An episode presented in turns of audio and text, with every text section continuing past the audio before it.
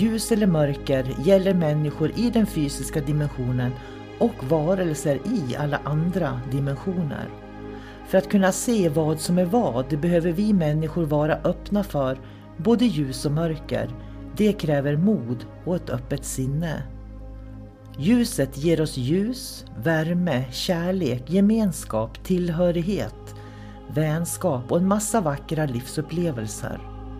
När vi talar om mörkret i podden så är det när vi människor upplever förvirring, kaos, hot, angrepp, manipulation, splittring som bidrar till att man känner sig ensam, isolerad och rädd. Att vara i sin egen kraft är att våga se verkligheten för vad den är och där göra medvetna val. Du kan bara kontrollera din värld, dina känslor, din livsupplevelse och det är att vara i sin egen kraft. Varmt välkommen till podden Kosmiska samtal.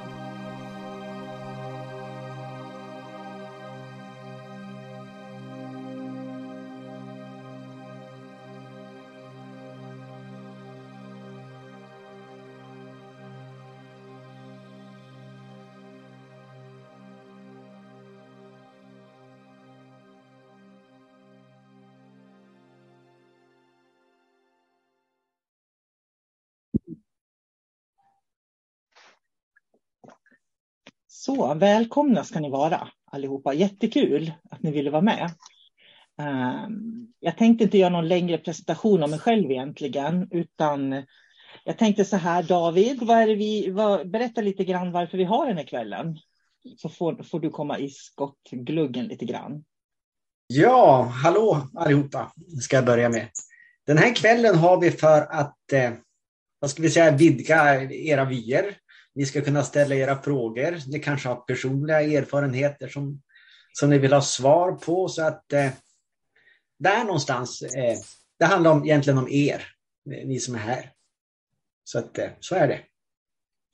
Och vi har ju två böcker på gång. En som handlar om alien och eh, bortförande och, och, och, så.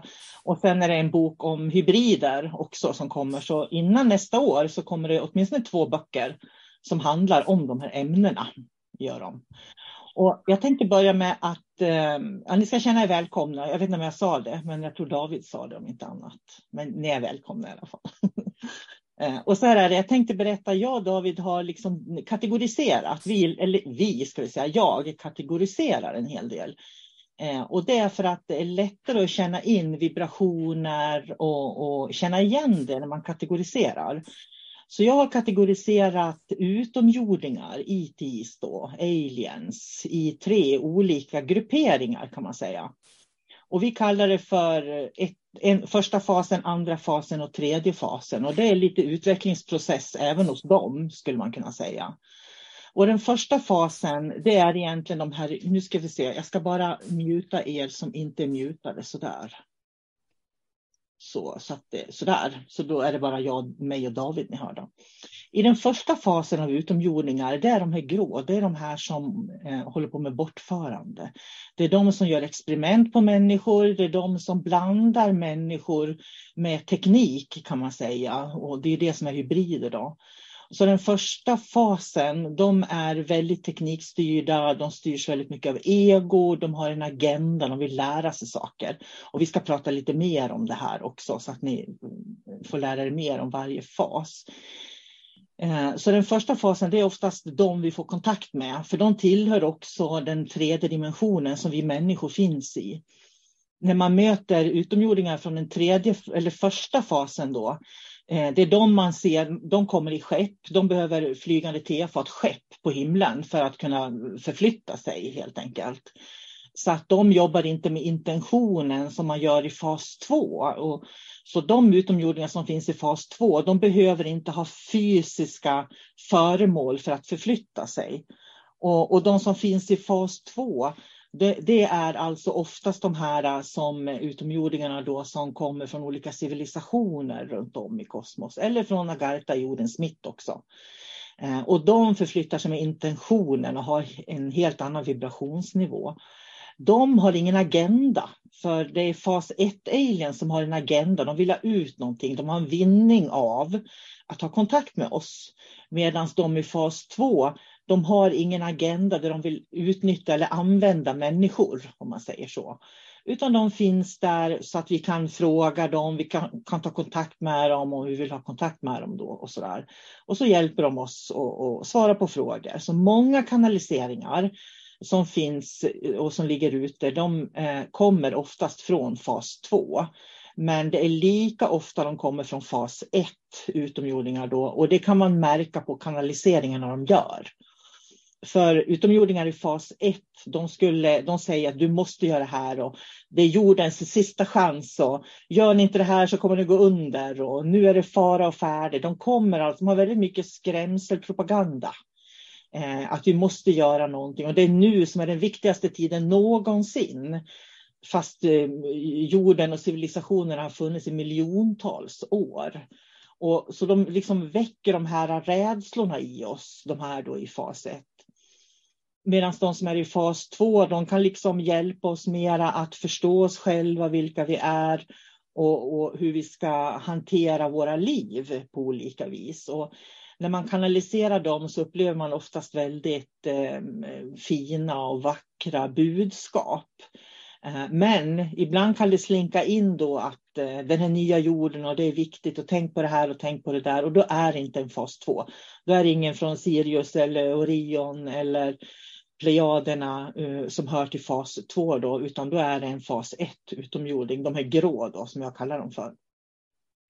Och sen fas 3, då pratar vi om ljusvarelser och ljusvarelser de har inget karma, ingen polaritet. Uh, varelser som finns i fas 1 och fas 2, de, har, de lever i karmiska relationer, de har polariteter.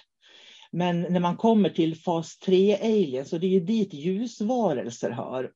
Eh, och de ljusvarelserna, de har inget karma, de lever inte i en polaritet som vi gör här, när det kan vara antingen eller, in och ut och sådär, utan de lever i rent ljus och rent flöde, kan man säga. Så i princip när vi dör och vi återgår till ljuset så är det dit vi återvänder, skulle man kunna säga också. Då. Och, eh, jag tänkte vi ska bena ut det här lite till och vi ska ta, hjälpa David också. Så Eh, och vi, kommer, vi har fått in en del frågor där vi också kommer att kategorisera på olika sätt. För att jag pratar oftast om olika dimensioner. Och olika dimensioner, det finns ju liksom eh, höga ljusvarelser i alla dimensioner. Så det finns ju höga ljusvarelser även i den tredje dimensionen. Precis som det finns ljusvarelser i den tolfte dimensionen. Så det som skiljer är ju om de lever i polära världar eller om de lever i rent flöde. Så det är det som är skillnaden. Då. Jag brukar säga att man ska ha kontakt med hjärtat, därför att från hjärtat, våra hjärtan, så utgår alla dimensioner. Så har man kontakt med hjärtat, då kan man vara ganska säker på, eh, och det är därför vi pratar om det kosmiska hjärtat ibland också, då kan man vara ganska säker på att då har man kontakt med de här högre ljusvarelserna som lever i polariteter. De högre ljusvarelserna kan man inte kanalisera, så att det går inte att göra kanaliseringar med dem, med dem och sätta ord på det vi upplever. Men man kan få healing av dem. Så att de kan liksom, ställer de sig i rummet så upplever man oftast en väldigt stark kärlek. Eh, man upplever väldigt mycket ljus. Så att när vi bjuder in fas 3 då, eh, att göra healing till exempel, så bjuder man in dem att göra healingen. Jag gör den inte. Så när healingen passerar genom mig, då är det egentligen en typ av fas 1 kan man säga. Och på fas 2 kan man bjuda in dem i rummet och på fas 3 kan man bjuda in dem i rummet. Då. Så det, det skiljer när man gör healing. Så David, jag tänkte överlämna till dig att berätta och beskriva då lite grann om de här fas 1, de grå och hybrider och, och den här agendan de har. Vad har du att säga om det? Fas 1, ja, så precis som du sa, så de har ju ego. Eh, en del har väldigt kraftfullt ego, och en del har mindre ego. Så att det vi kan förvänta oss när vi kommer igenom med, med budskap till exempel. Det kan vara, det är väldigt populärt, eh, liksom reptiler, det är grå utomjordingar, det är eh, det som också kallas ant people. De som ser som myror på något sätt. eh, och lever i ett kollektivt. Alltså, när de kommer igenom så egentligen, det är deras agenda som, som de vill eh, trycka på oss människor. De är inte här för att hjälpa oss på något sätt. Så att det kan man ju ta liksom för, eh, nä, nästan för givet att när de kommer igenom så är det någonting som de vill. De är inte här för att hjälpa en individ eller hjälpa eh, oss som ett kollektivt här på jorden. Men eh, det som har hänt oftast, eh, det är det att vi människor hör ju också till fas 1 ska jag säga. Men vi människor, vi är på väg att utvecklas, liksom evolutionen. Och vi kan ju välja att gå hjärtats väg, alltså dimensionella vägen, eller vi kan välja den tekniska vägen. Och det som de grå utomjordingarna har gjort, de har valt den tekniska vägen. Så att de har ju tappat sin andlighet. Så att de har ju liksom lagt allting på teknik. Och samma sak är det med reptiler till exempel. De är jättebra på att på forska, de är jättebra forskare, de kan jobba med genetik.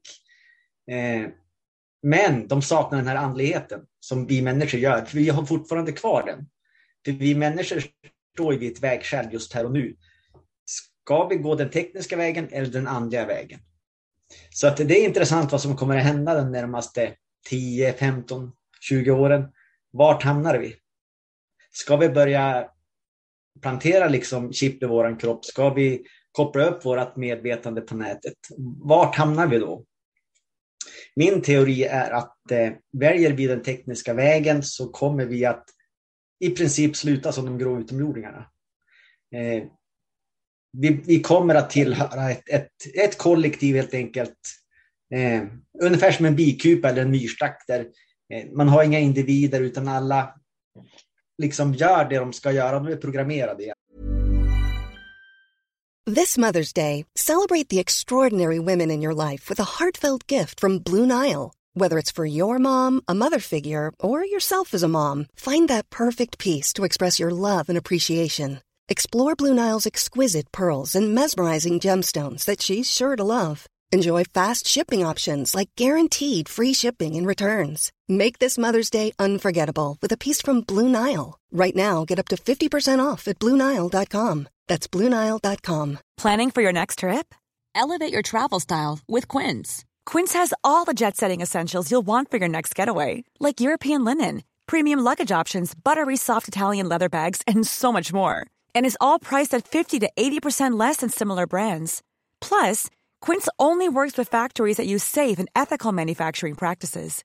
Pack your bags with high-quality essentials you'll be wearing for vacations to come with Quince. Go to quince.com/pack for free shipping and 365-day returns. Så att eh, det är det som liksom är fas ett. och vi människor har ju möjligheten nu att välja väg. Och det är därför ni är här i, ikväll också antagligen, för att ni är intresserade av det dimensionella, ni är intresserade av att utvecklas andligt. Så att det, det är bra att ni är här, så att nu vill vi höra era frågor också. Ja, för det är ju också så att människan, vi har ju en enorm kunskap inom oss och det är just att vi kan befinna oss i de här tre faserna. Så att ju mer vi utvecklas andligt, desto mer så går vi upp i den här icke-polära ljusvärlden och manifesterar den inom oss och här på jorden också. Och, och, det är ju det, därför de tycker att det är så intressant att eh, möta oss, träffa oss, prata med oss. För de kan inte det. De som är i fas 1, de kan inte det. De är ju de är liksom som en klump färdiga redan och de har inte den här själsliga utvecklingen. De har inte den här utvecklingen till ljus. Så att de, de har inget, man säger, inga erfarenheter på det viset som vi har. Och det är därför som många av dem, eh, alltså de, är, de tar ju det är många som har varit med om bortförande till exempel. Och det finns så mycket att säga om det här. Så att era frågor är ju välkomna och vi kommer att skriva en hel del om det i vår bok också. De, hur man ska tänka och vad man kan vara uppmärksam på och så där. Därför att de är ju intresserade av att veta vad vi har för kunskap. De är intresserade av vår kunskap. Det är ju därför de, de söker sig till människor. Vi behöver egentligen inte dem. Det är de som behöver oss. Därför att vi har förmågor som de inte har. Ja, och min, min eh, gissning är att eh, en del eh, utomjordiska raser som har gått den tekniska vägen, de har liksom nått taket. De kan inte utvecklas längre, eh, inte mer teknologiskt. Så att och de ser vad vi, vi, människor har, men de kan inte ta sig dit för de har ju liksom eh, stängt sina hjärtchakran och de har, egentligen har de blivit biologiska maskiner på ett eller annat sätt. Och det är också väldigt vanligt förekommande. Alla som har varit i kontakt med till exempel grå utomjordingar och även andra fas 1 de förstår inte känslor. De kan inte förstå oss människor, de förstår inte skämt, de förstår inte ironi, eh, liksom att de förstår helt enkelt inte hur det är att vara människa. Ja, de har inte de här nyanserna och erfarenheterna som vi har. Och, och, det är det man, man pratar om hybrider till exempel. Och möter man hybrider, alltså människor som är delvis människa och delvis eh, fas 1 utomjording. De, de kan till exempel, de har svårt att sortera känslor, att förstå känslor. De kan inte sätta saker i sammanhang. Eh, så när ni möter sådana människor, så om man säger någonting till dem, det är precis som du sparar någonting i datorn på hårddisken. Det är det som hårddisken vet. Hårddisken vet ingenting mer. Det är så de fungerar. Eh, och de här finns överallt i samhället idag. De är väldigt vanliga. Eh, och de, eh, deras agenda är att lära, för de vill lära sig mer om hur människan fungerar. Då. Men de kan egentligen inte lära oss någonting eftersom vi har en, en högre, en djupare andlighet. De har ingen andlighet, de här. Nej, och det, det är ganska intressant också för om man träffar en, en sån där äh, hybrid, det är egentligen så, äh, de är egentligen som barn om man säger så. Om det är någon som säger det här är en tv, jaha, vad ska jag göra med den? Ja, den ska du titta på. Jaha, hur länge får jag titta på den då? Ja, hur länge du vill, okej. Okay. Eh, vad är det här för något? Det är en gaffel. Jag har en gaffel, ja men den ska du äta med. Jaha, vad får jag äta med gaffeln då? Det är liksom att de, de förstår, de är inte flexibla på något, något sätt, utan det är bara allting är svart och vitt. Och de måste ha liksom en mall för, en manual för hur de ska använda allting. Och det är för att de inte kan sätta saker i sammanhang. Jag, jag tänker på om du skulle säga vad är det för skillnad på fas 1 och på demoner till exempel, för att ta den skillnaden då? Eh, Ja, egentligen skulle jag säga teknologin. Eh, demoner, de är ju... De använder ju inte teknologi, utan de är ju de är väldigt nära oss människor i, i frekvens, lite lägre förstås. Men de använder ju liksom våra känslor och våran hjärna och de, läser, de använder våran fysiska kropp mot oss. Eh, på olika sätt på energinivå.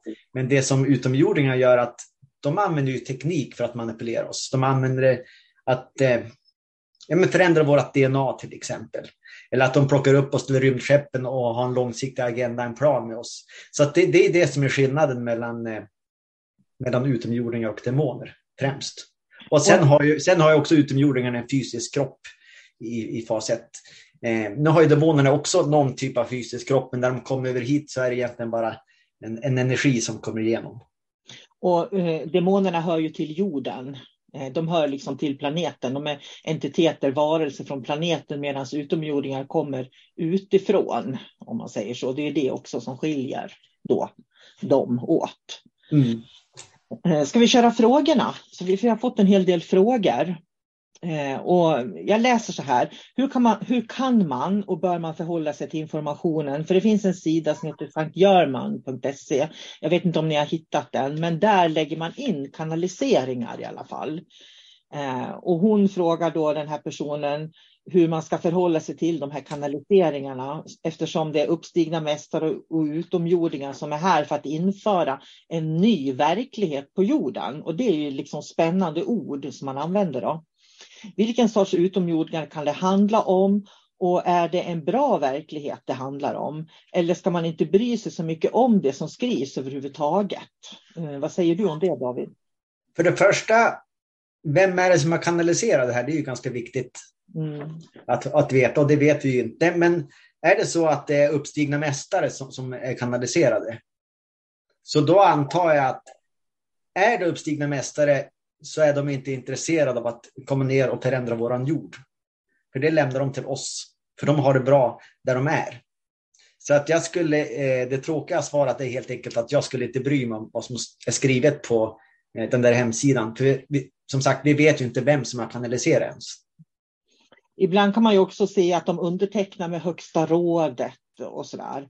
Eh, och min erfarenhet att när de undertecknar med Högsta rådet eller de tillhör liksom viktiga personligheter i, från någon civilisation i kanaliseringarna så, har det igen, så är det fortfarande fas ett. De vill göra sig viktiga för att vi ska lyssna på dem och följa dem. Medan de, de, i fas 2 då, som i de här olika civilisationerna, de skulle aldrig be oss förändra oss för att de vet att vi har en egen utvecklingscykel och de skulle låta oss vara i den och hjälpa oss mer på ett personligt plan när vi frågar, inte att förändra jorden då, så att säga. Mm. Mm. Eh, hur, om överhuvudtaget, kan man förhålla sig till informationen, planeten Niburu, raserna Nefilim och Anunnaki. Jag tänker på detta med att mänskligheten skulle vara skapad av en utomjordisk ras. Och Nefilim, Anunnaki kan ha med det att göra, skriver hon eh, också. Och vad tänker du kring det? Jag tänker så här att enligt mig så är ju människan, vi är ju redan liksom hybrider allihopa. Och eh, vi är inte bara en ras utan vi är ju väldigt många raser som är ihopmixade och har ju blivit människan. För vi har ju varit manipulerade av många olika raser som har kommit hit. Då. Och det är egentligen fas 1-varelser vi pratar om. Eh, så att jag menar till exempel om, om eh, låt oss säga att, att jag har reptil i mig, jag, jag, har mycket reptil. Betyder det att jag är en, en sämre människa? Nej, det, för, för det handlar egentligen om hur hanterar jag eh, mig och min personlighet. Det är väl det som är viktigt. För jag har ju många olika beståndsdelar så det handlar bara om att balansera upp det här. Det, det är så jag ser det. Så att man, man får helt enkelt utgå från eh, utgå från att man främst är en människa. Alla är människor. Och det, det är bara så det är. Jag tror också att vi är skapade av någon forntida civilisation. Sen finns det teorier, det finns väldigt mycket teorier, men det är egentligen ingen som vet hur det är. Men jag tror att om man tittar på myterna, jag tror man kan lära väldigt mycket av att titta på myterna faktiskt. Och jag vet att om man tittar på eh, någonting som är ganska typiskt, den egyptiska eh, eh traditionen till exempel, eller i grek, den grekiska också mytologin, där de blandar, det, det finns liksom kentaurer och minotaurer, man blandar alltså människor och djur. Eh, och sådär. Och det finns en, en väldig blandning mellan människor och olika djur. Och jag tror att det är kopplat till eh, det här med att det har gått människor på jorden som har haft kunskap om hur man förändrar genetik och DNA och de har experimenterat på olika sätt då. För att liksom, dels tror jag att människan är skapad för att de behövde arbetskraft. Så. Eh, och sen har de också skapat andra varelser. Och jag tror att de här förflyttar sig genom på olika planeter faktiskt. Och de har lämnat då jorden av någon anledning. Och jag hörde en teori från Däniken som jag tycker låter väldigt logisk. Och han pratade om att, eh, Erik från Däniken, han pratar om att eh, de här utomjordingarna som vi pratar om nu, det är fortfarande fas 1 eftersom de manipulerar då. Eh, och de här utomjordingarna de förflyttar sig väldigt mycket mellan solsystem och planeter. Så de är liksom överallt. Och vissa planeter kan vara otroligt varma, andra planeter kan vara kalla. Så att planeterna ser väldigt olika ut. Så den här genmanipulationen och den här manipulationen som de håller på med hör ihop med att de ska hitta perfekta raser som kan överleva på olika, eh, i olika väderförhållanden på olika planeter och det är en del av att man har experimenterat då här på jorden. Och eh, när de här gudarna, det är de här man kan gudar då. Och när de här gudarna då försvann så, eh, så fanns alla de här varelserna kvar, om man säger så. Eh, och det finns också berättat att människan, människorna på jorden fick inte döda de här var varelserna som de hade liksom skapat när de blandade kors och tvärs. Då. Utan de här, skulle över, de här skulle man lämna i fred, för de var liksom tillverkade av gudarna då. Eh, och människan, när människan dog så i Egypten till exempel så mumifierade man människor. Eh, och det var ju för att man vill liksom hjälpa dem till efterlivet då, så att de ska liksom kunna fortsätta sin resa. Det här med att eh, medvetandet eh, är evigt, så de kan fortsätta resan. Men de här varelserna, de, när de dog och dog ut, för de dog ut så småningom, för de kunde ju inte para sig med varandra eftersom de var genmanipulerade, de här olika blandningarna som de hade då. och när de dog ut då, så det man gjorde i Egypten var att man krossade benen på alla de här olika varelserna. Man stoppade dem djupt, djupt ner i gravar där man fylld, som man fyllde upp med cement. Och det, eller inte cement utan eh, som man, as, asfalt heter det. Så man bland, hade alltså asfalt som man blandade med de här varelserna som var genmanipulerade och sen, sen begravde man dem väldigt djupt. Och det här har man hittat då i Egypten. Eh, för man ville inte att de skulle fortsätta att få ett liv efter döden så att säga och därför fick de ingen, eh, Ehm, de var inte mumifierade då. Och det här tycker jag är en teori som stämmer väldigt bra överens. För att tittar man runt om på jorden så är det ju väldigt mycket man kan se människor eh, avbildade då med en blandning mellan människa och djur. Så på något vis så har de ju hållit på att experimentera tror jag, tills de har hittat då en människa som fungerar och det är ju tror jag en del av dem vi är idag. Och, ja, och eh, var du klar förresten? Nej, in, inte riktigt. ja, för, för jag ville bara säga hur, hur lämningarna efter det här ser ut idag. För när gudarna som skapade oss då, för jag använder aldrig begreppet Gud nämligen, aldrig någonsin, därför att Gud är förknippat med precis det här. Eh, och när, när gudarna då fick barn, och de, så de här barnen till de här gudarna då, när de parar människor med gudarna då, de var ju inte nöjda med att Eh, bli slavarbetare som människorna de hade liksom producerat, utan de ville också få vara lite märkvärdiga som sina föräldrar, gudar. Och det är det i den grekiska mytologin ska kan man ju höra talas om halvgudar. Och med halvgudarna fick då viktiga positioner i världen. Och det som är intressant då, det är därifrån kungahusen kommer, det blå blodet som man pratar om. Så det kungahusen. Och sen när, när deras barnbarn då, de kände att Nej, men jag vill också ha en position, då skapades grevar och grevinnor och baroner och sådär. Så att hela tiden den här, den här adliga släkten är en, en, ett arv från de här gudarna som skapade oss en gång i tiden då, eh, och manipulerade. Och där har man familjerna på Sicilien, det är liksom eh, familjerna i Mellanöstern är också när man pratar om familjer. I Skottland så pratar man om klaner till exempel. Och i Sverige har vi också familjer, det riktigt gamla, så har vi ju, man tillhörde den familjen eller den familjen och så gifter man familjer emellan bara för att man ska kunna komma överens. Och det är, eh, tror jag, då eh, det som lever kvar från den här tiden. Därför att det fanns en hierarki. Och det är därför som jag inte använder begreppet Gud, utan jag, jag, jag pratar om kosmiskt flöde. För när man är kosmiskt flöde, då är man i kontakt med den här essensen av ljus som vi är med alla våra dimensioner, både det polära och icke-polära. Då, faktiskt. Som är kopplad till tredje fasen. Som är kopplad till tredje fasen, precis. Ja. Så nu var det en lång utläggning på det, men det, det, det är så jag ser det. Så att, när David säger att vi är hybrider, ja det är vi. Vi är också skapade. Men vi, och, och det är, vi är ju skapade till gudarnas avbilder. Men de skapade någonting som var bättre än de själva. Och det är det vi behöver hitta i oss då, när vi jobbar med vår andliga utveckling. Nu är jag klar, David. Nu är du klar, en lång utläggning. Jag hade tänkt att ta upp en teori till här, men jag kan hålla mig väldigt kort. Eh, det finns också en teori som går ut på att det hade varit liksom ett, ett stort rymdkrig och eh, eh, som fredsuppgörelse för reptilerna hotade liksom att eh, ta över jorden, tror jag att det var, på, på ett eller annat sätt. Eller, de hade massförstörelsevapen. Så i en fredsuppgörelse så då kom de fram till att jag tror att det var 13 stycken olika varelser som kommer ner och kom fram till att vi ska skapa en varelse av vårt DNA. Det, är också en teori som jag har hört. Just som en fredsuppgörelse eftersom alla de här eh, raserna blir blir ju släkt med, med ja, med, med alla egentligen. Så därför kan de inte förstöra jorden då, för då förstör man ju även sig själv och sina avkomma. Mm. Så att, och det här ska vara för väldigt länge sedan då.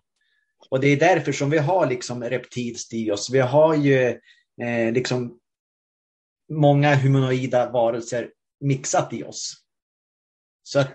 Och det är nog svaret till att vi känner oss dragna ibland till olika civilisationer också. För att vi har delar av dem i vår själs energi helt enkelt. Ja, och det kan man ju säga också för Eh, man ska ju inte döma folk eh, beroende på deras utseende, men jag tycker det är ganska intressant, för när man möter människor, då kan, man ju, kan jag få en känsla åtminstone, ja men den där, den där ser ju ut på det där sättet, den där ser lite reptilsk ut, den där ser ut lite som en tall white, den där, man kan se olika drag som är dominanta i olika människor. Och det kan bara vara att DNA är starkt i en sån människa helt enkelt. Så att man börjar liksom se ut mer som ett visst ursprung.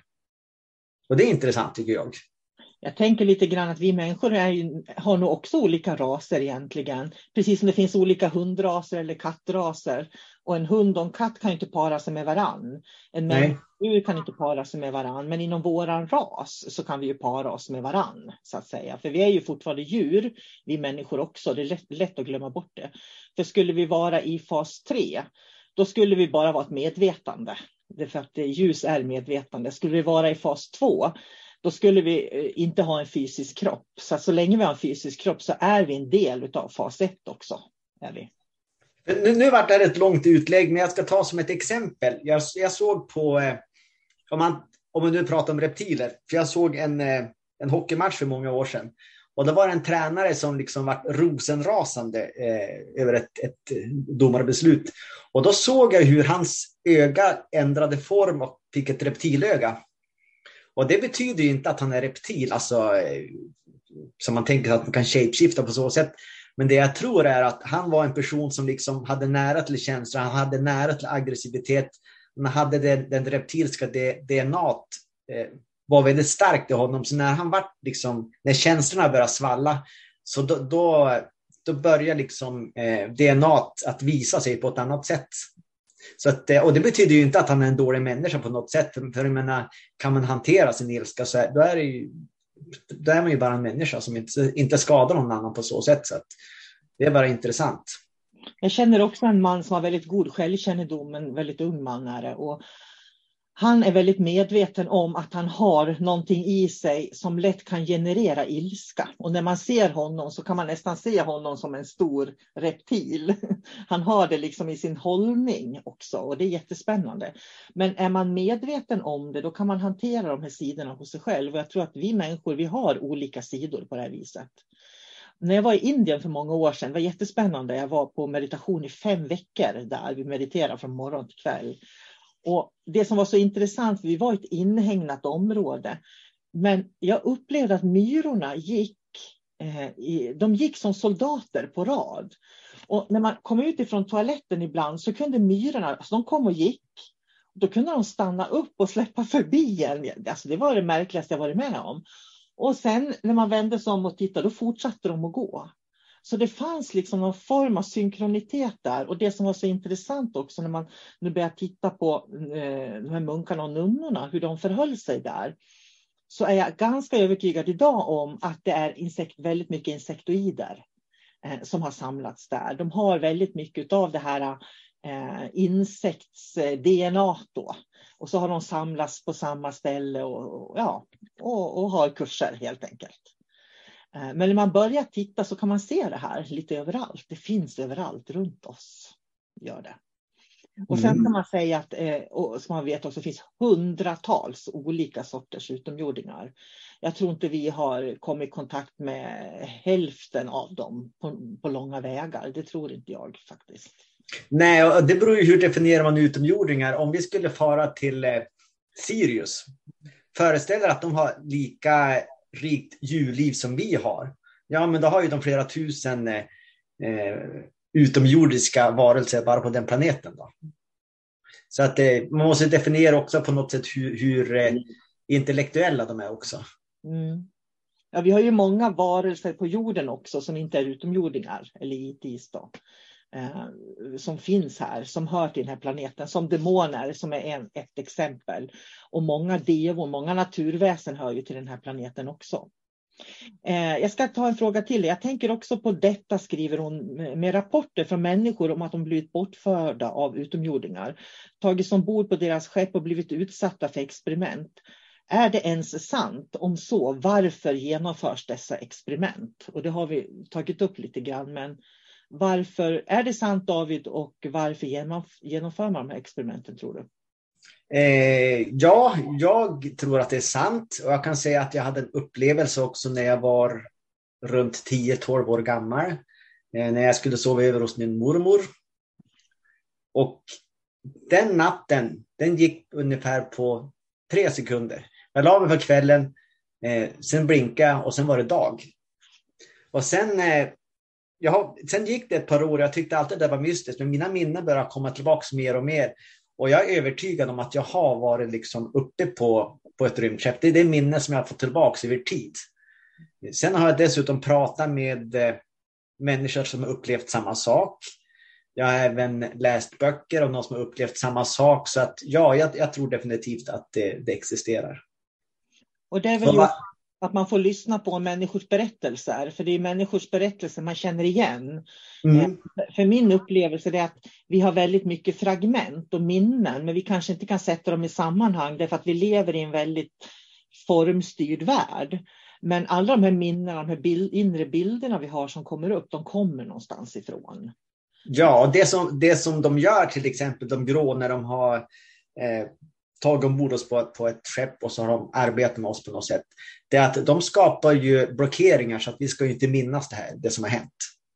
Men generellt sett när en människa blir lite äldre och liksom eh, då är, det, som att det börjar blottna upp eh, de här blockeringarna och minnen börjar komma tillbaks. Och är man då i sammanhang där man kan prata med likasinnade eh, om vad som har hänt, så då, eller någon duktig som kan via hypnos få fram då, vad man har gjort. Så då kan man ju liksom återskapa allting som har hänt. Mm. Och jag vill bara poängtera att vi, vi säger tror många gånger, för det, det, är faktiskt så det är. Så länge det inte står fysiskt i rummet hos, hos oss så blir det någonting vi tror, tro, en, en tro vi har. Så vi kan inte säga säkert att det är så här, men vi kan dela vår erfarenhet av det. Jag har själv varit med om att jag har blivit bortförd som barn och jag har väldigt tydliga minnen av det också. Och det jag kommer ihåg det var att eh, jag hade alltid märken på mitt högra smalben när jag kom tillbaks. Så att det var alltid på samma ställe jag hade märken efter jag hade haft de här eh, bortförandena som jag varit, hade varit med om. Då. Och jag har en son, han var i sjuårsåldern, eh, sju, åtta, nio, däromkring var han på morgonen så satt han och ritade ufon. Och det här var på, på den tiden alltså väldigt tidigt 80-tal när jag liksom inte ens var medveten om egentligen att, som jag är idag om att det finns. Då satt han på morgonen. Mamma sa han, jag var ute och flyg i natt. Så här såg det ut, sa han. Och så ritade han ett flygande tefat. Det tyckte jag var jättespännande. Och ju mer jag började liksom förstå mitt eget klarseende så när mina yngsta pojkar som är 27 idag, när de var små. När en av dem, han satt på golvet i vardagsrummet och så ramlade han omkull. Och sen satte han sig upp igen och så ramlade han omkull. Och då tittade man vad är det som hände? Så var jag och tittade. Då stod det alltså en liten grå utomjording som var kanske 1,20 hög som puttade omkull honom. Och jag var så arg så jag tog tag i den här och kastade ut den genom fönstret. Sen dess har vi aldrig haft problem i familjen, eh, alltså medvetet. Då. Så att de, de finns ju i vår närmiljö mycket, mycket mer än vad vi tror egentligen. Och därför tycker jag att det är jätteviktigt det här med, med självkännedom, att man lär känna sig själv. Det här är jag. För att får jag en känsla av no att någonting inte stämmer så är det oftast någonting som inte stämmer. Eh, och då kan man bara be dem gå. Man pratar ibland om lagen om fri vilja. Fas 1 följer inte lagen om fri vilja, så att egentligen spelar det ingen roll eh, vad jag säger, du är inte välkommen. Så fas 1, de lyssnar inte på det, därför att deras agenda är att ta för sig, de är rovdjur. Precis som solarplexus är rovdjurschakrat så är de rovdjur och de tar för sig. Jag har också varit med om en gång, vi pratar om implantat, att vi kan få implantat med oss. Jag tror att vi människor, många människor har väldigt mycket sånt egentligen. Och, och ibland så får man frågan då så här, vad ska jag göra för att bli av med de här implantaten? Och då, då tror jag att man ska jobba med vibrationshöjning, jobba med rent ljus, meditera på ljus. För när man får en högre vibration i kroppen, som det här ljuset då som fas 3 kan erbjuda oss, då är det precis som att de här implantaten som är ditstoppade, de kan inte stanna i våra kroppar utan de ramlar ut. Så de ploppar ut helt enkelt. Och det är där som vi börjar minnas saker. Då kan, det är då minnena kan börja komma. Att vi får, vad konstigt, varför, varför ser jag det här rummet för? Liksom? Därför att då har de här blockeringarna de har stoppat in i oss försvunnit. Och jag har till och med varit med om, jag har stått och duschat en gång, när det plingade till. Så att det var, det var som en metall som ramlade från eh, kroppen på mig då och ner. Och det har att göra med att de här implantaten de försvinner. Och ju mer implantat som försvinner, desto mera så kommer man att lära känna större delar av sig själv också. Och... Ja, jag kan ju också säga, nu pratar vi specifikt om implantat. Mm. Men det fungerar ju samma sak på, för jag ska berätta att jag tror jag skrivit det här i någon bok också. Eh, det finns även djur i andra dimensioner som kan komma över och liksom fästa sig på, på våra kroppar, alltså omedvetna djur. Eh, för jag vet, jag hade en natt så kliade det hemskt mycket i mitt öra. Jag förstod inte vad det var. Eh, och jag körde tidningsbil på den tiden. Så att jag steg upp och så började jag köra och så började jag klia i örat igen och så klia. Och till slut då hade jag ju en liten mask komma ut som var kanske 3-4 centimeter lång. Så tittade jag på den där, tänkte vad märkligt. Och sen då tappade jag den på golvet på, på golvmattan. Och så skulle jag plocka upp den, men då var den borta. Och slutsatsen som jag drog, det var att den där kom ju från en, en närliggande dimension, låt oss säga att den var fjärde dimensionen, som hade förirrat sig till mitt öra. Jag tog ut den och när jag blottade den i vår tredje dimension, så då slank den tillbaks till sin dimension igen. Och så är det lite grann med, med, med implantat också, att om de är ditsatta specifikt för att de ska sitta i vår kropp från till exempel fjärde, när vi blottlägger dem så då kan de inte stanna kvar längre, så då far de tillbaka till sin dimension igen. Och det är då vi får tillgång till alla dimensioner inom oss. För att om vi, för det är så här att om vi, vi kan ju bli osynliga för de här och vi blir osynliga genom att vi höjer våra vibrationer. Då ser de inte oss. För kommer vi i tillräckligt hög vibration då blir vi osynliga för dem och det är en av anledningarna till att de stoppar in implantat så vi inte ska försvinna för dem utan hålla kvar oss i lägre vibrationer helt enkelt. Eh, nu ska ni inte vara rädda och osäkra för det eh, och känna att jag undrar om jag har en massa sånt och sådär. Utan lev livet, må bra och är det någonting som skaver, gör något åt det. Det är liksom det man ska göra. Men precis som David sa, alltså man kan få de märkligaste upplevelserna. Han såg som en, en larv eller mask där som bara försvann sen. Liksom. Eh, jag tänkte på, det finns en fråga här som hör ihop med det här. Um, mm, mm, och det står så här, ska se var jag har den. Ehm, jag hade den alldeles nyss fram. Här. En fråga, hur brukar de använda människor till sin agenda då? Eh, exempel genom drömmar och bortförande. Eh, och det, det, var också det. Eller kan de som demoner och andra entiteter använda sig av pendlar med mera? Jag skulle vilja säga så här att utomjordingarna, de använder sig, de kommunicerar inte via pendlar. Eh, så för demoner som kan påverka våra känslor, som kan påverka energin ute i rummet, de använder, det vanligare i alla fall, det är vad jag tror, det är min erfarenhet, att de kan använda föremål, eh, om man säger så. Medan utomjordingar, och det ska du få prata om David, de, de förändrar våran eh, dels att de kan förändra drömmar, eh, att de kan komma in och påverka det undermedvetna, men de kan också påverka rummet så att rummet ser annorlunda ut. Vi ser inte det vi tror vi ser. Ja, eh, det, det, som skiljer naturligtvis eh, demoner, som du sa, eh, de använder eh, pendlar, tarotkort, eh, allting som vi människor sätter kraft i och kan använda, vill de använda för att komma åt oss. Eh, utomjordingar har ju sin teknologi så att de har ingen anledning att, att eh, lägga sig i tarotkort eller pendlar. För så det är helt enkelt ointressant. Så, så det är som en, eh, en, en klassisk bortföring, det kan ju vara så här att ett rymdskepp stannar utanför en, säg att man bor i lägenhet, eh, sjunde våningen. Sen skapar de ett, liksom ett hål i väggen. Eh, så att de kan gå rätt in där, de går bara rätt igenom väggen.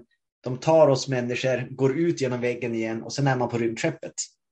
Så att, och, eh, sen gör ju det de ska göra med, med, med oss. Och ibland så tar de DNA. Eh, de kan ta foster från oss på olika sätt och jobba på så sätt att, att förädla en ny människoras. Eh, som gör kanske i slutändan att vi kopplar upp oss på deras kollektiva medvetande. Så att de kan styra oss på olika sätt. Eh, men det är lite grann så de jobbar med, med, med teknik och så sen efteråt så då sätter de in de här, så att vi får minnesluckor eh, helt enkelt, blockeringarna. Och så placerar de oss i våran säng igen och så vaknar vi sen. Men det som är, nästan alltid, om man är medveten om att man har bortföranden, om man inte minns själva bortföringen så finns det vissa tecken som kan tyda på att man har blivit bortförd. Och det är tidsaspekten. Alltså man kan förlora otroligt mycket tid som man inte förstår. Vad är det som har hänt? Jag har förlorat liksom fem timmar som jag har borta. Eh, jag sitt, så, satt och såg på tv, skulle gå och koka kaffe. Sen när jag satte mig i, i soffan igen, ja men då har det gått fem timmar, vad är det som har hänt? Alltså det är sådana saker som kan göra att man, man börjar misstänka att eh, tillsammans kanske med att man har olika märken och dyrt, att det är någonting som händer. Utomjordingar är inblandade. Det är oftast därför de kommer på nätterna också, därför att då sover vi och då, så då, då, är vi inte medvetna om den här förlorade tiden. Men blir man bortförd på dagtid, då kan man ju bli förlorad. Man kan ju liksom upptäcka att oj, klockan var 12 och nu är hon sex på kvällen till exempel. Så att det försvinner helt enkelt tid från, från vardagen då. Ja, och det var det som hände med mig när jag var i tioårsåldern. Jag förlorade alltså en hel natts sömn. Jag upplevde natten liksom som ett, ett, ett ögonblick, sen var natten över. Och jag förstod aldrig vad som hade hänt och jag tyckte alltid det var konstigt i flera år framöver. Det var någonting speciellt med den där natten. Men sen när man blir äldre, då är det som att man slutar ju bry sig mer. Alltså om den här fysiska hjärnan, den, eh, den blir liksom in, vad ska man säga, den lär sig hur man ska tänka, vad man ska tycka, vad man ska tro. Och, eh, men när man blir äldre så då tenderar man att liksom strunta i sina eh, trosystem som man haft förut. Man bryr sig inte lika mycket och då kommer allting tillbaks som man har varit med om. Man börjar slappna av mer, helt enkelt. Jag tänker en del kan ju också till exempel, och det är inte helt ovanligt när det är de grå, att eh, de kan, de kan vara ute och gå i skogen och så plötsligt står ett rådjur till exempel eh, och bara titta på dem. Eh, och de här grå utomjordingarna, de kan ju också Alltså, och de kan stå och titta på oss, men de kan förändra, de kan ju förändra vibrationer och frekvenser. Och i och med att de kan förändra vibrationer och frekvenser så kan de förändra frekvenser så vi tror vi står och tittar på ett rådjur. Men vi står och tittar på en utomjording, en, en grå istället till exempel. Så kan det ju vara. Och sen kan det ju också vara så att eh, våran fysiska hjärna, för jag brukar prata om den ganska ofta, när den liksom inte förstår vad som händer. Eh, det kan ju stå en utomjording framför oss, men våran hjärna är ju lärd att nej, det finns inte utomjordingar. Så att när vi väl möter en utomjording så då liksom lägger hjärnan dit något annat motiv istället som, som vi kan känna till. För om det finns en utomjording där, det ifråga, då ifrågasätts ju allting som, som, som man har lärt sig. Så att, eh, det är därför som det är så viktigt att, att liksom öppna upp sitt sinne för att allting är möjligt och vara filosofiskt lagd. För då öppnar man ju upp alla dörrar också. Mm. Mm, jag fortsätter att läsa. Det här är ganska långt. Det här är ju intressant på ett sätt, även om ja, det, det är intressant. Eh, det är så här, eh, frågor. Det här är massor av frågor nu då.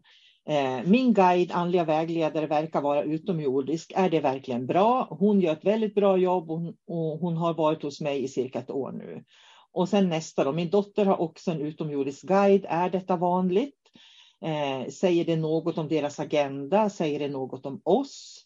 Tänk om jag är en grå? frågetecken. Hur vet jag det? Min vän verkar eh, mött min guide under en schamansk resa och de var i hennes rymdskepp. Guiden berättar att de bevakar vårt görande på jorden på håll, hur människorna gör med jorden. De väljer att inte ingripa i vår förstörelse för det, eh, det hade fått eh, värre konsekvenser än vad vi gör mot jorden. Är det därför de går in som guider för att påverka människor som kan påverka andra att vårda Moder Jord? Hur märker jag om en icke-vänlig utomjording påverkar en person?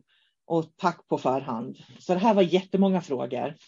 Men det jag tyckte var signifikant här, det var just det här att de väljer att inte ingripa i vår förstörelse, för de hade, det hade fått värre konsekvenser än vad vi gör mot jorden.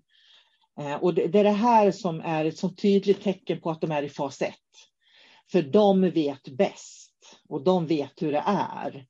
Uh, och, och det, för mig är det ett väldigt tydligt tecken på att de är i fas 1. Och jag skulle vilja säga att många uh, pratar ju om Ashta Command till exempel. Att Ashta Command uh, bevakar jorden och mm, ser, ser, till jorden och sådär. Men Ashta Command är också fas 1 därför att de är med och, och manipulerar. Det, det, är det ordet som jag vill använda. Och så fort det är en, en guide av något slag som vet bättre än vad vi vet, som talar om att det är tur du har mig alltså. Och sådär. Då kan man vara ganska säker på att man är under manipulation och det är inte en bra guide egentligen. Och sen skulle jag vilja säga det också att många guider är ju utomjordiska. För när vi får kontakt med guider så är det ju oftast det vi tror är då fas 2 och fas 3. Men det, kan, det är lika ofta från fas 1 skulle jag vilja säga. Så att alla våra guider är på ett eller annat sätt utomjordiska.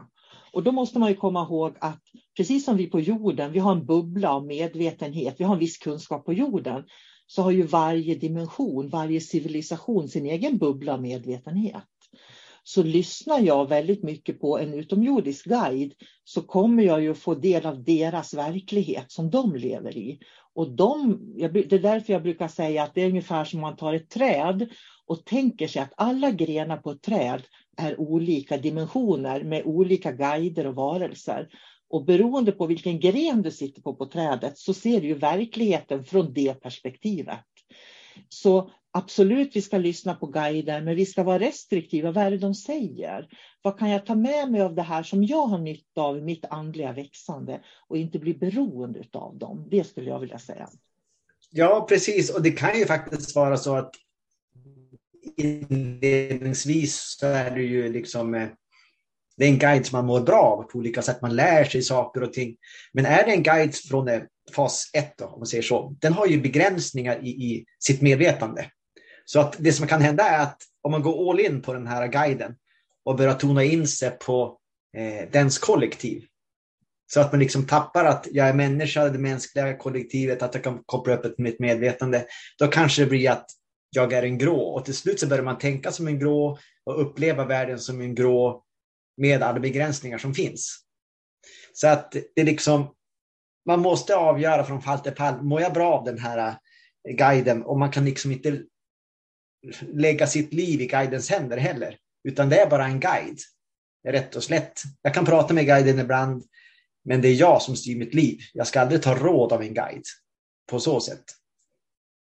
Jag tänker också de här som, som får med sig det här om att, att, eh, eh, att vi håller på att förstöra jorden. För mig är det fullständigt obegripligt hur de kan säga att vi håller på att förstöra jorden. För att eh, om, om vi förstör jorden, då, ha, då kommer vi människor att försvinna. Så enkelt är det. Jorden kommer att överleva oss.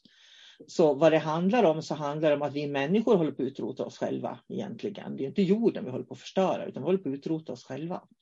Och det har ju hänt i cykler, så det är ju ingenting nytt. Eh, jorden har ju utrotat sig själv flera gånger om i historien, om man säger så. Eh, och att leva med det där, det är ungefär som att leva med ett krigshot hela tiden. Man måste göra vissa saker rätt. För gör man fel, då blir det en katastrof. Det är, det är liksom att leva med dagliga katastroftankar. Och då går man ju inte in och ser liksom på sin egen kapacitet. Vad har jag för kapacitet i mig egentligen? För går jag in i mig själv så har jag fas 3 i mitten av mig själv. Det finns i mig. Och när jag tonar in på den fas 3, den ljusvarelse jag själv bär inom mig, då kommer jag att kunna göra bra val och rätt val hela tiden i livet. Och det kommer och, och alla andra människor att tjäna på. Men jag kan ju också välja att följa en fas 1 som säger akta dig för det, gör inte så, kom ihåg det och det och det och det och det. Uh, och då kommer jag inte att må speciellt bra. Nej, jag, jag tänkte också nu när jag satt här att eh, fas mm. hybris måste ju komma från, från fas 1 också på ett sätt. För om man har en varelse som är från fas 1 som man kan kanalisera, kanske inte i det här fallet, men, men generellt sett, och den liksom håller upp en, du är fantastisk, du, det är du är viktig, det är du som ska rädda världen, det är du som, som eh, håller nycklarna, det är du som har ljuskoderna. Och så gör man sig själv till att jag är viktig. Eh, jag är eh, jordens räddare. Och det är då människor liksom börjar tappa fotfästet och få hybris. Så att det är därför vi ska ju sträva efter att gå till fas 2 och fas, helst fas 3.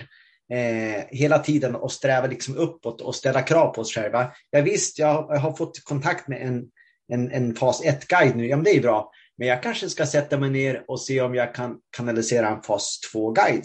Jag kanske kan byta ut min guide. Det är ingenting som säger att du måste behålla den där eh, fas 1-guiden. Du har lärt dig det, det som den har gjort är att den har lärt dig nu att ja, men jag kan faktiskt eh, få guider, jättebra. Ta den läxan och så gå vidare i din utveckling. Ta fas 2, ta fas 3, eh, gå vidare på din väg. Nu tänker jag nästan vi skulle öppna för om det, finns, om det har dykt upp några frågor nu. Om ni har några frågor, antingen att ni unmutar er, ställer frågor eller skriver i chatten. Eh, så får ni gärna göra det. Millions of people have lost weight with personalized plans from Noom. Like Evan, who can't stand salads and still lost 50 pounds. Salads generally for most people are the easy button, right? For me, that wasn't an option. I never really was a salad guy. That's just not who I am. But Noom worked for me. Get your personalized plan today at Noom.com. Real Noom user compensated to provide their story. In four weeks, the typical Noom user can expect to lose one to two pounds per week. Individual results may vary. This is Paige, the co-host of Giggly Squad, and I want to tell you about a company that I've been loving, Olive and June. Olive and June gives you everything that you need for a salon quality manicure in one box. And if you break it down, it really comes out to $2 a manicure, which is absolutely insane. It's also so easy to get salon worthy nails at home with Olive and June. The difference between how your nails used to look when you did them yourself and now with the Manny system is a complete game changer. The best thing about Olive and June too is it's a quick dry, dries in about one minute, lasts for five days, and full coverage in up to one to two coats. Visit oliveandjune.com slash perfect Manny 20 for 20% off your first system. That's oliveandjune.com slash perfect Manny 20 for 20% off your first system. Quality sleep is essential. That's why the Sleep Number Smart Bed is designed for your ever evolving sleep needs. Need a bed that's firmer or softer on either side? Helps you sleep at a comfortable temperature? Sleep Number Smart Beds let you individualize your comfort so you sleep better together. JD Power ranks Sleep Number number 1 in customer satisfaction with mattresses purchased in-store. And now save 40% on the Sleep Number limited edition Smart Bed for a limited time. For JD Power 2023 award information, visit jdpower.com/awards. Only at Sleep Number stores or sleepnumber.com.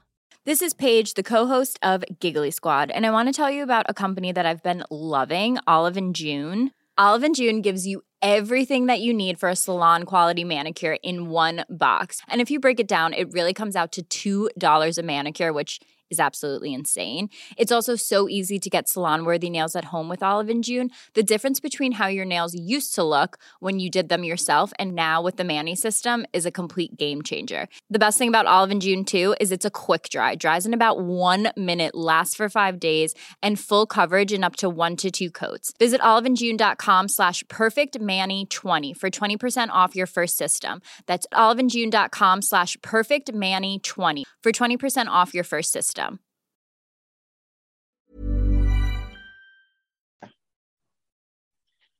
Eller om ni kanske har någon annan reflektion ni vill dela med er av till och med.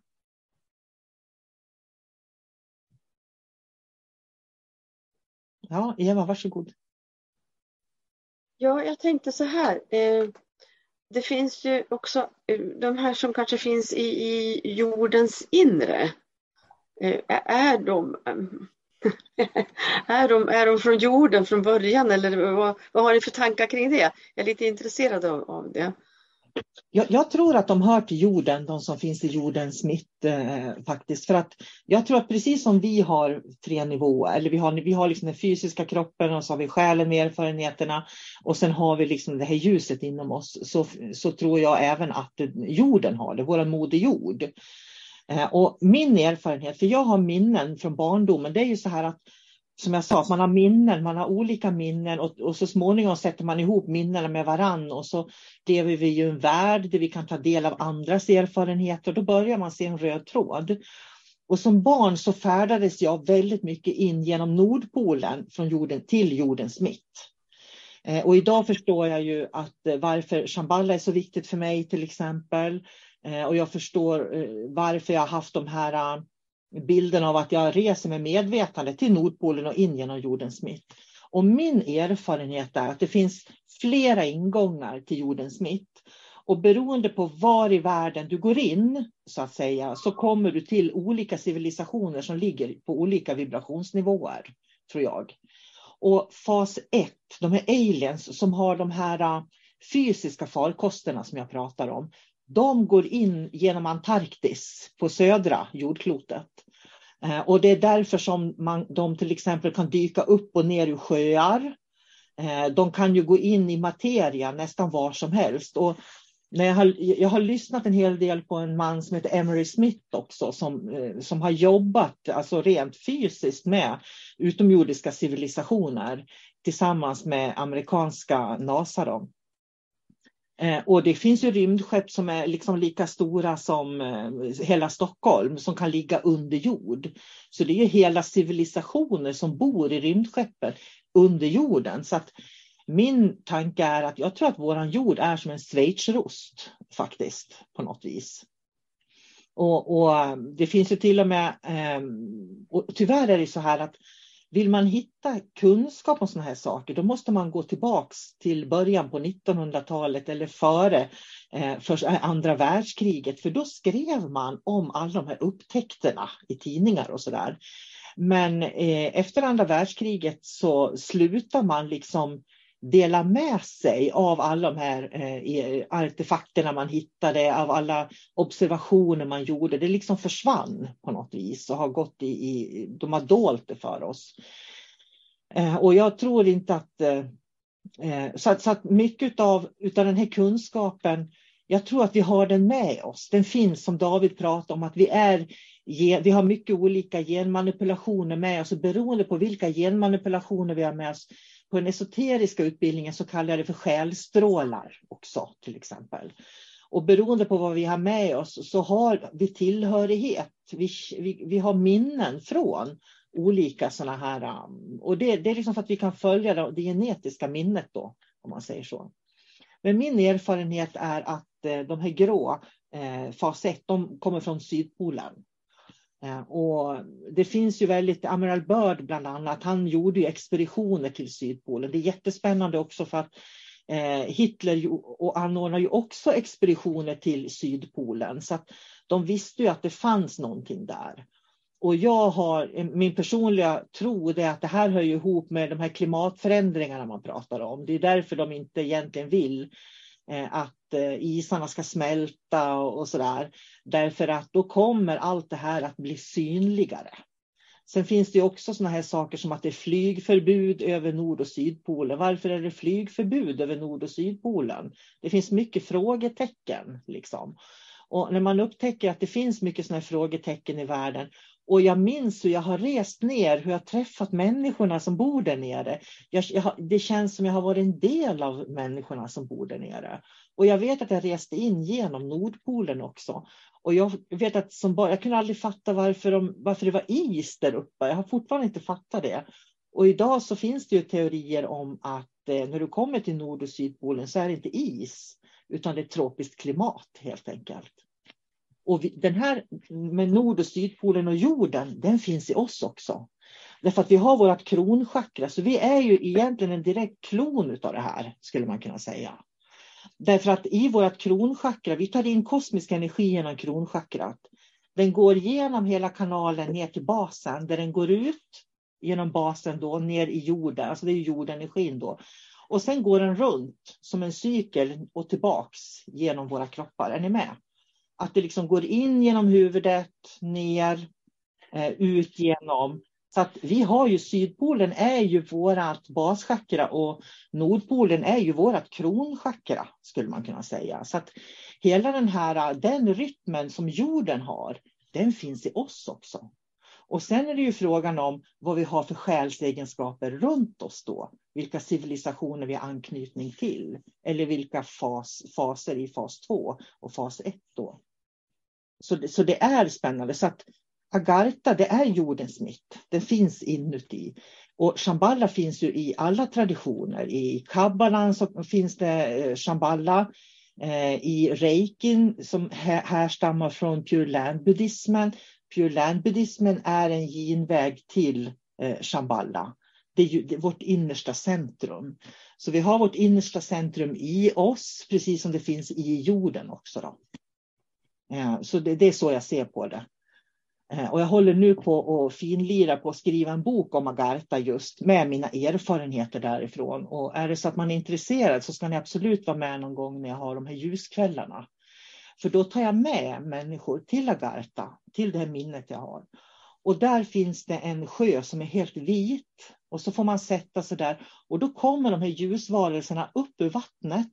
Och de går runt oss och lägger handen på oss och ger oss energi. Det är så fantastiskt. Så att vi lever liksom i en värld som är så otroligt mångdimensionell. Vi har sån otrolig kapacitet, vi människor. Och det är därför det är så viktigt, tycker jag, och, och, och det vet jag att David också tycker, att man känner till hur de jobbar på de här lägre nivåerna, för de försöker stoppa oss. Så istället för att, eh, gå, gå, ut och demonstrera för vaccin och, och deep state, jag vet inte allt som man håller på med nu, gå in, hitta det här i dig själv. För vi kan manifestera det här på jorden när vi hittar det i oss själva. Men människor lever kvar i den här fas två och ska slåss och ska kriga och ska bevisa och ska vara aktivister. Och det är, eller fas ett då. Och det är fas ett faktiskt. Så det, det, är lite så jag ser det. Så vi är en klon av jorden, skulle man kunna säga. Hela jorden finns inuti oss. Och det här det finns till och med beskrivet i, i Veda-traditionerna, så alltså i Veda kan man hitta det här också. Där, där egentligen, och i de vediska traditionerna, jag frågade mina lärare i Veda, för jag har tre jättebra vediska lärare som jag tycker är superduktiga. Ja, men hur är det med de här utomjordingarna då, frågar jag. Eh, finns inte det i vedaskrifter, det här med utomjordiska civilisationer? Jo, det finns och de har ett namn på det också. Men de fokuserar på den fysiska kroppen, för den är en kopia av hela universum som vi har runt oss, eller hela kosmos. Så det är som så där ute, så här inne. Vi är liksom bara en, en, en klon egentligen, eller en hybrid utav ett större universum eller ett större kosmos, precis som vi är, är av jorden. Och ja, spännande. Det, det är spännande och vi, som jag ser det, vår största uppgift är att vara människa. Och om man ser våra fysiska kroppar som bara, ja men det är liksom en, en biologisk maskin som ska hålla vårt medvetande. Så att det är jättebra att observera vad som finns runt omkring Så, Ja, det finns utomjordingar, det finns demoner, det finns eh, änglar, det finns mästare. Och, så att man bara har någonting att navigera kring. Men sen när man väl har upptäckt allt det där, då behöver man inte göra det så viktigt, utan på något sätt gå till sitt hjärtchakra och så sen då hitta ditt högre medvetande och sträva efter fas 3. För varför ska man lägga fokus på fas 1 eller fas 2 när man kan sikta mot fas 3? Mm. Det, det, det, är min filosofi i alla fall. Samtidigt är man människa och det innebär att man är, ju, man är ju egentligen i fas 1-kropp eh, om man säger så. För vi lever ju i krig och ego här men man behöver ju inte ta del av eh, av allt som finns där ute. Mm. Så tack för frågan, Eva. Eh, och är det någon mer som har någon fråga så det finns fortfarande tid om det är någon mer som känner att man har någon fundering av något slag. Det är klockrent. Ni har full koll på allt det här. Ja, jag har en liten detalj. Eh, mm. Jag vill bara stämma av så att skydda sig ifrån fas 1 det gör man genom att hålla en hög vibration då, ja. och utgå ifrån sitt hjärtchakra. Och jag skulle vilja, jag använder ju inte ordet skydda, därför att då, då pratar man om dem som farliga och det finns ingenting i vårt kosmos som är farligt utan allting har en plats. Eh, och det är därför jag säger gör dig osynlig för dem. Och det gör du genom att höja vibrationerna. Vitt ljus, vitt ljus, vitt ljus, vitt ljus. Eh, och att meditera på, menar, man kan bara lägga händerna på hjärtat och så kan man gå in i, i, i hjärtat. Det är så spännande för att eh, det finns så mycket healingmetoder idag. Och ibland så kan människor bli sådär, ja men vad ska jag välja för healingmetod?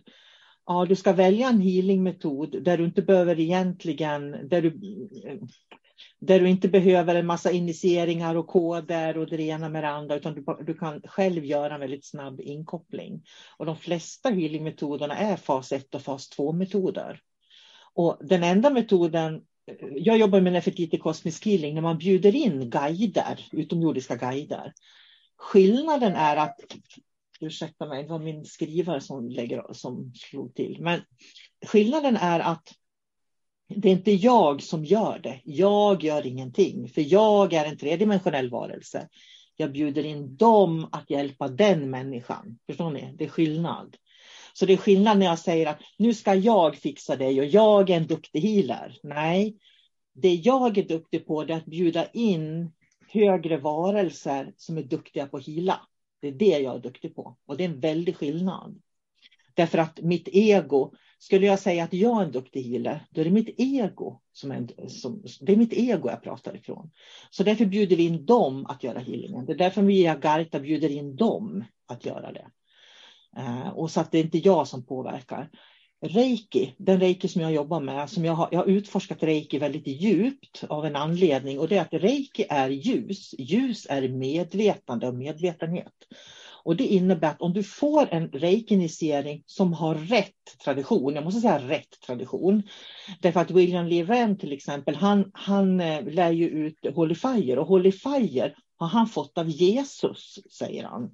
Så då har inte det en tradition från Pure Land-buddhismen. Och, och, det är liksom viktigt att förstå att det finns en skillnad här. Men om du får då en, en initiering som kommer direkt från en tradition eh, där från fas 3, ljus, då kommer du att få en högre uppkoppling automatiskt. Och du kommer att känna att du går framåt i din utveckling. Men går man inte framåt i sin utveckling, då ska man byta lärare eller byta healingmetod eller byta meditationsmetod eller vad man håller på med. För då, då har man inte en fas 3-lärare, om man säger så. Och det, det, är också en viktig del i det här som man aldrig pratar om. Därför att det är så viktigt också att vi inte kategoriserar människor och säger du är bra, du är dålig, du är bra, du är dålig, du är en duktig healer, du är en dålig healer och sådär. För när vi gör det, då blir vi ju polära direkt eh, och hamnar i fas 1. Mm. Even when we're on a budget, we still deserve nice things. Quince is a place to scoop up stunning high-end goods for 50 to 80% less than similar brands. They have buttery soft cashmere sweaters starting at $50, luxurious Italian leather bags, and so much more. Plus, Quince only works with factories that use safe, ethical, and responsible manufacturing. Get the high-end goods you'll love without the high price tag with Quince. Go to quince.com/style for free shipping and 365-day returns. Planning for your next trip?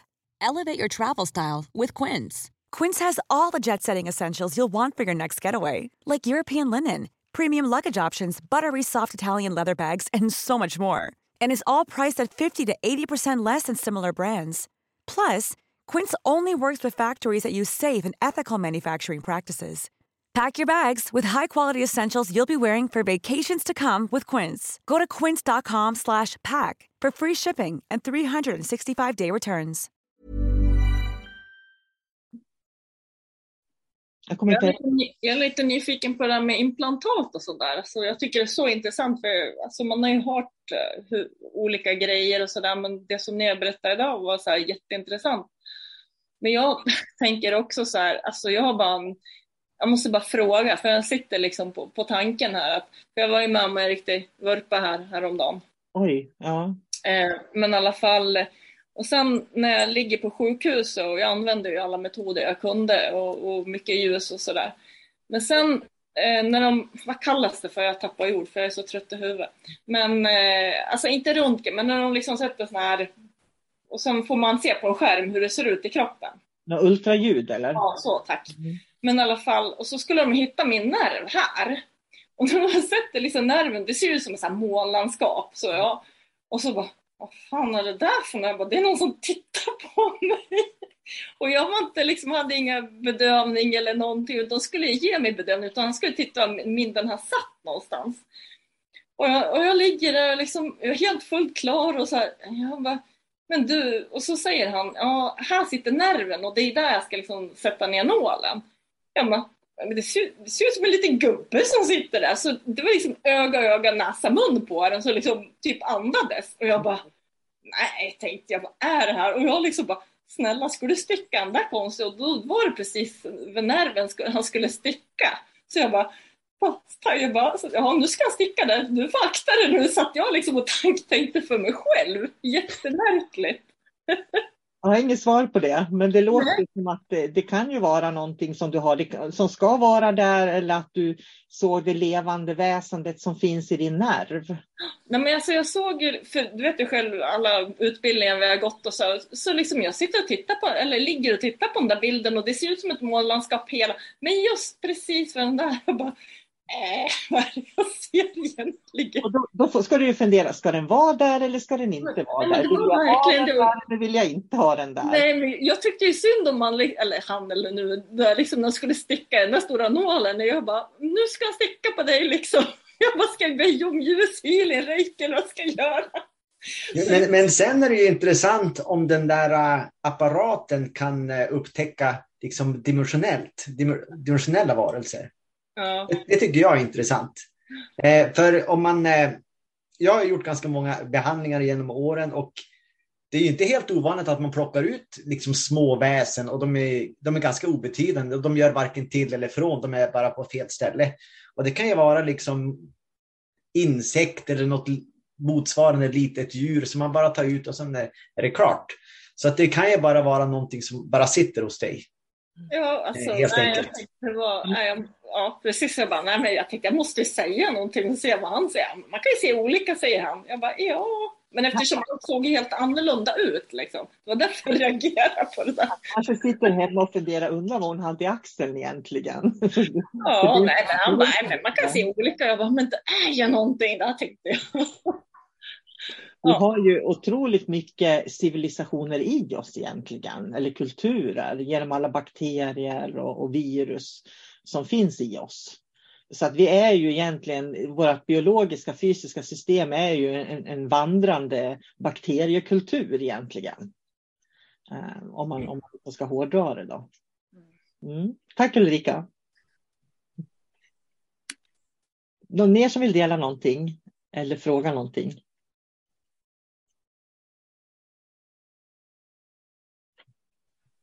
Mm. Matilda, varsågod. Eh, nej, men jag tänkte på, ja men eh, för ibland typ, ja, jag vet inte hur jag ska säga hur jag ser det, men ibland så kan det komma upp så här ugglor, alltså att jag ser det typ i saker. Och det kan komma typ, alltså precis från, alltså ingenstans, jag har inte ens tänkt eller något, alltså inte har någon, alltså koppling till det på kanske mm. två veckor. Och sen typ, där jag märkt det bara kommer upp och sen har jag fått det där, vad heter det, Ashta Command. Jag visste typ inte ens vad det var, men jag har bara fått en sån tanke. Och sen så typ, jag vet inte om det var någon drake eller någonting jag såg liksom i trädet. Så då fattar man ändå att det är någonting där eller nära mig liksom. Och vad ska jag göra då? För de, då lyssnar de ju verkligen inte ibland. Men det, det, är ju så, vi, vi, om, vi har ju så mycket väsen runt oss egentligen och det är därför det är så viktigt att den här självkännedomen då. Så jag tycker att det är viktigt till exempel att reiki tycker jag är en jättebra metod att ge sig själv och lära känna sig själv, lära känna sina känslor, lära känna vad jag tycker, vad jag tänker, vad jag har för åsikter, vad jag vill ta ställning för. Att verkligen lära känna sig själv. För när det kommer in då tankar eller upplevelser eller känslor så, så, så man känner, vad var det där? Varför ser jag en uggla just nu? Då kan man istället fråga, är det här mitt eller kommer det utifrån? Så att man ställer sig den frågan. Och kommer det då utifrån, då ska man lära sig att släppa det bara. Mm. Felet som många gör är att, åh, det är en uggla, varför säger jag en uggla? Och så börjar man rota i det, så börjar man googla och så rotar man. Och ju mer man rotar i det där, desto mer så etablerar man också en relation till det där. Eh, så det är viktigt det här att okej, okay, jag såg en uggla, en uggla har ingenting med mitt liv att göra, nu släpper jag det. För, för jag ska gå och laga mat nu. Liksom. Så, eh, så det, det, är vad man ska göra och det ska man göra överlag i livet. För man kan ju gå på affären och handla och så kommer man hem och så har man en massa tankar och så tänker man, varför tänker jag på det här nu? Ja, det kanske är någonting du har fått med dig bara, blivit påverkad av när du har gått på affären. Då vet jag att det är inte det är inte mina, det berör inte mig, det har inte med mig att göra, det är oviktigt. Och då lägger man bort det. Så jag tror du ska tänka så. Jag tycker det är spännande med ugglor, för i mitt hem kommer aldrig in en uggla, det kan jag säga. För att när jag har mött de här grå och de som har fas 1 så ser de ut som ugglor oftast. De har de här äh, ögonen och de här döda ögonen, svarta ögonen också som ugglor har. Eh, så att, och sen Ehm, vet jag också att många som har varit i närkontakt, de hör ugglor också. Jag har till och med en kompis, och den kommer i boken också. Hon hade tre enar, stod på sin gård. Ehm, och så plötsligt när hon tittade ut så var det tre eh, ugglor. De här enarna, stora enarna, var tre ugglor som stod och tittade på henne. Eh, och, och vi, hon har tagit kort på det, det kommer i boken sen också. Och, så då gjorde vi en massa vibrationshöjningar. Dagen efter var det tre enar där igen. Då var de borta, de här eh, ugglebilderna. Jag menar, de, de, kan liksom manipulera psyket, sinnet på oss. Och vi människor, vi är ju så nyfikna då, för det är ju liksom, vi är nyfikna naturen. Så undrar varför det var så. Och så ska man googla och så ska man veta och varför så här. Istället för att bara, kan det här tillföra mitt liv någonting? Är det någonting jag behöver? Och så, där. och så tar man ett beslut och hanterar det. Liksom. Jag tänker på ugglor för eh, det finns ju nästan inga barnkläder som inte har ugglor på sig. Alltså det är ugglor överallt och jag tror att det är en frekvens som, som genomsyrar eh, våran värld egentligen. För, för du, när du såg en uggla till exempel, det var ju någon, en, någon frekvens som fick dig att eh, se, den där se den där ugglan. Och, och, det var ju någon frekvens som gjorde så att enarna såg ut som ugglor. Och så sen blir, liksom, började det där ta upp alla eh, människors intressen rent kollektivt. Så när man ska göra olika kläder, då ska man ha ugglor och det ska vara ugglemössor och det ska vara ugglenallar. Och det, det finns överallt. Eh, så det är någonting som liksom går igenom. Det är ett sätt att påverka oss frekvensmässigt. Ja, det är ju det. Jag tror jag ska berätta om en upplevelse och sen ska vi avsluta. Så om ni orkar, lite, orkar ni lite till så ska jag berätta om en spännande upplevelse. Så ska jag lära er hur ni snabbt och effektivt kan byta frekvens. Eh, eh, det var så att vi hade en kurs här i Umeå, eh, det är många år sedan nu, där vi mediterade på, om ni känner igen Fibonacci. Fibonacci är kopplat till den heliga geometrin, alltså hur vårt medvetande expanderar. På esoteriska pratar vi om fyra medvetenhetsnivåer, hur medvetandet expanderar. Precis som årsringarna på ett träd så expanderar vårt medvetande när vi lär oss saker. Och vi hade mediterat på frekvensen 2134 i fyra dagar. Eh, och det var ingen frekvens som jag eh, gillade överhuvudtaget. Så att eh, jag... Och vi, vi skulle stoppa in en massa grejer i vårt energisystem och sådär. Men det första jag gjorde när jag kom hem på kvällen efter de här fyra dagarna var att plocka ur allting så som vi hade stoppat i. För jag kände att nej, det här passar inte mig.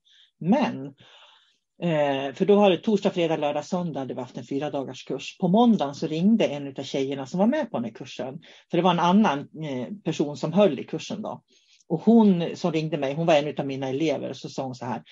Du kan inte ana vad som händer just nu, sa hon. Och hon bodde i Arvidsjaur, mitt ute i skogen. Det fanns bara hennes hus och renar. Det fanns inget mer där uppe. Då på morgonen, klockan var tio på morgonen, då hovrade en svart helikopter runt hennes hus. Bara runt hennes hus.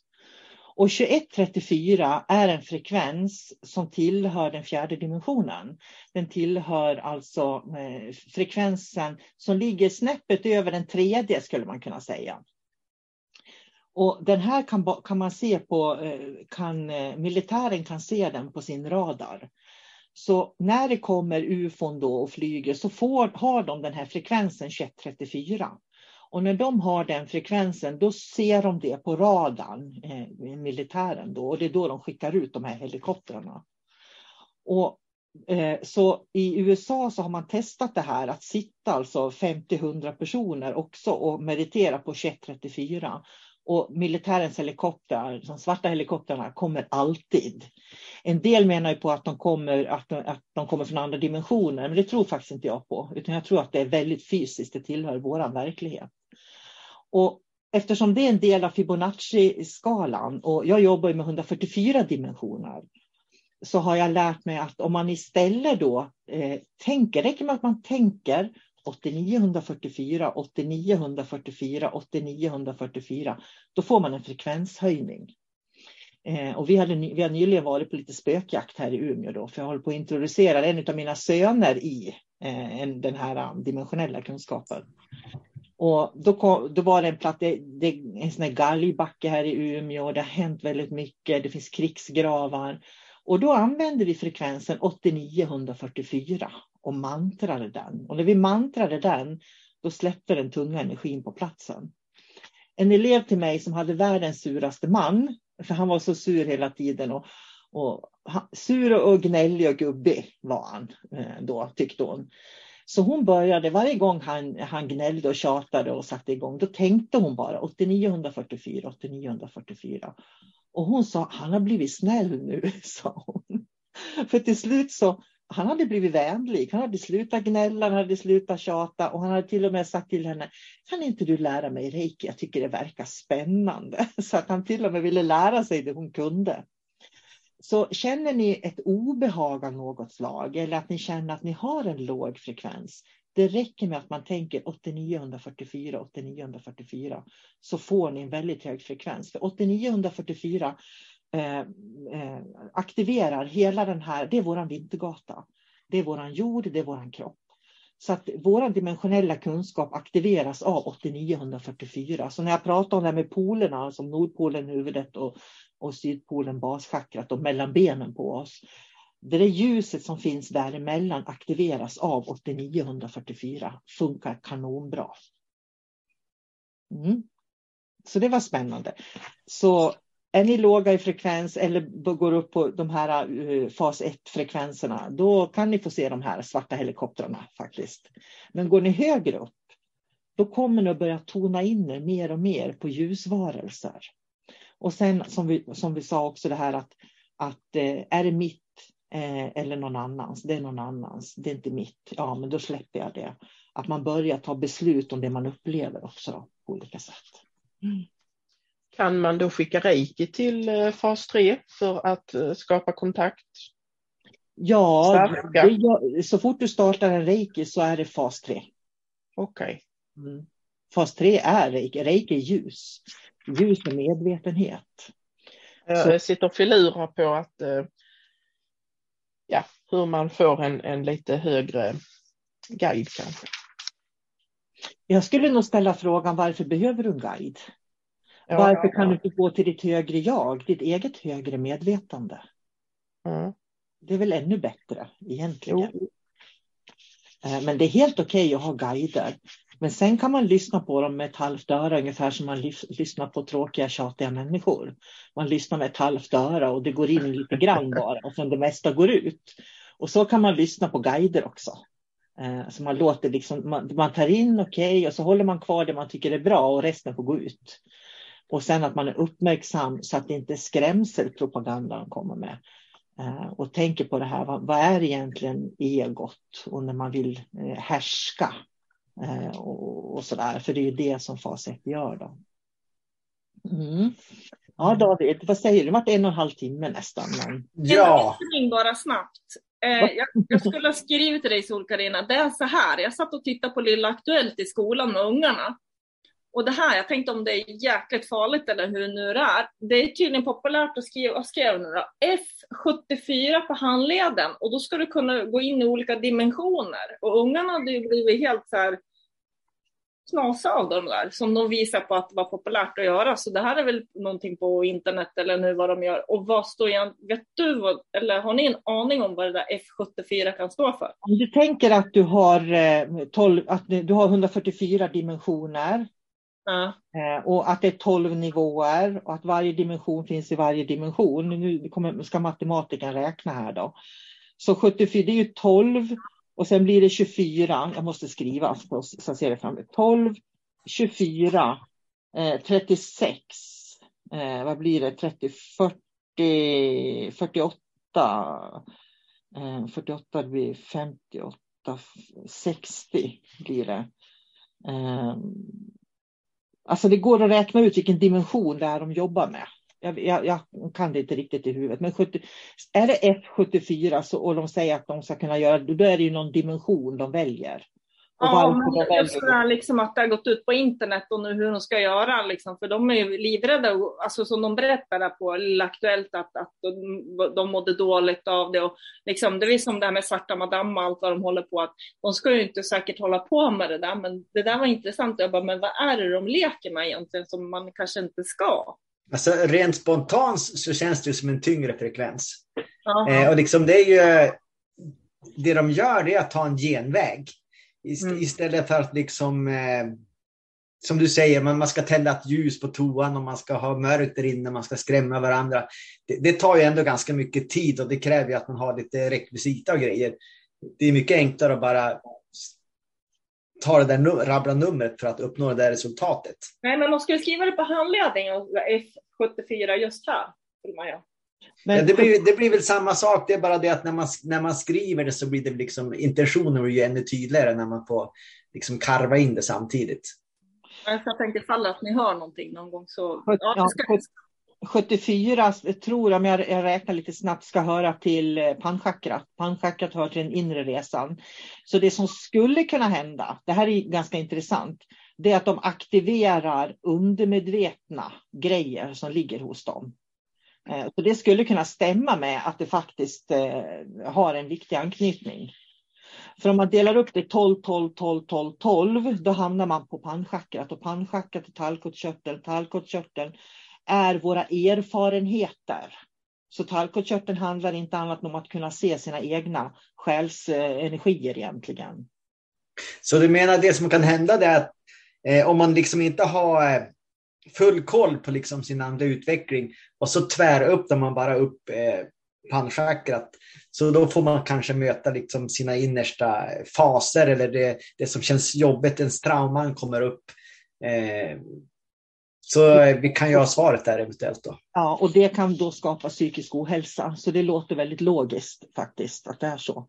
Och sen vet vi också att så fort vi har liksom trauman, vi har sår, vi har ångest, rädslor, då finns ju också mörkeraspekten som använder det också mot individen, eventuellt. Så att, och därför så kan ni lära alla era barn och barnbarn och vänner och, och 8944 och be dem använda det, för då får de en högre frekvens. Mm, det där var intressant. Jag hade ingen aning om det. Eh, men det är ju så. När man all, det, jag tänkte säga, det finns väl ingen som har gått i skolan och inte gjort svarta madam eller, eller gjort sådana här eh, när man sitter med anden i glaset. Det, det är liksom det verkar komma en viss ålder när man ska gå igenom det där och alla gör det. Och det kommer ju någonstans ifrån. Det är någon som vill att de ska, vi, de barnen ska göra det naturligtvis. Eh, men då får du säga att 144 eh, är ett mycket bättre nummer, får du säga då. Så du får dem att skriva 144, för då får de en fas 3 ljusfrekvens faktiskt. Och det är konstigt att det är precis jag som råkar komma till de ungarna som jag märker att vad håller ni på med där inne på toaletten? bara svarta madam. Bara, eh, mm. ja, hörni, vi ska avsluta den här kvällen. Mm. Eh, tack så mycket ska ni ha för att ni har varit med. Eh, och vi kommer att ha en kväll till. Nu ska vi se, vad jag hade skrivit upp det, 5 december hade vi tänkt att ha en kväll som handlar om Eh, personlig utveckling, självkännedom och problemlösning. Och då kan man vara med och ställa frågor om saker, eh, allt mellan himmel och jord. Och så kommer vi att använda vårat sätt att se på saker och ting, jag och David, då, för att dela med oss av svar på det, helt enkelt. Mm. Det, då är ni välkomna tillbaka. Ja, det är ni. Och tack för att ni var här ikväll också. Mm. Tack. Ta hand om er nu. 89 144. Lev väl. Hej då. Hej då.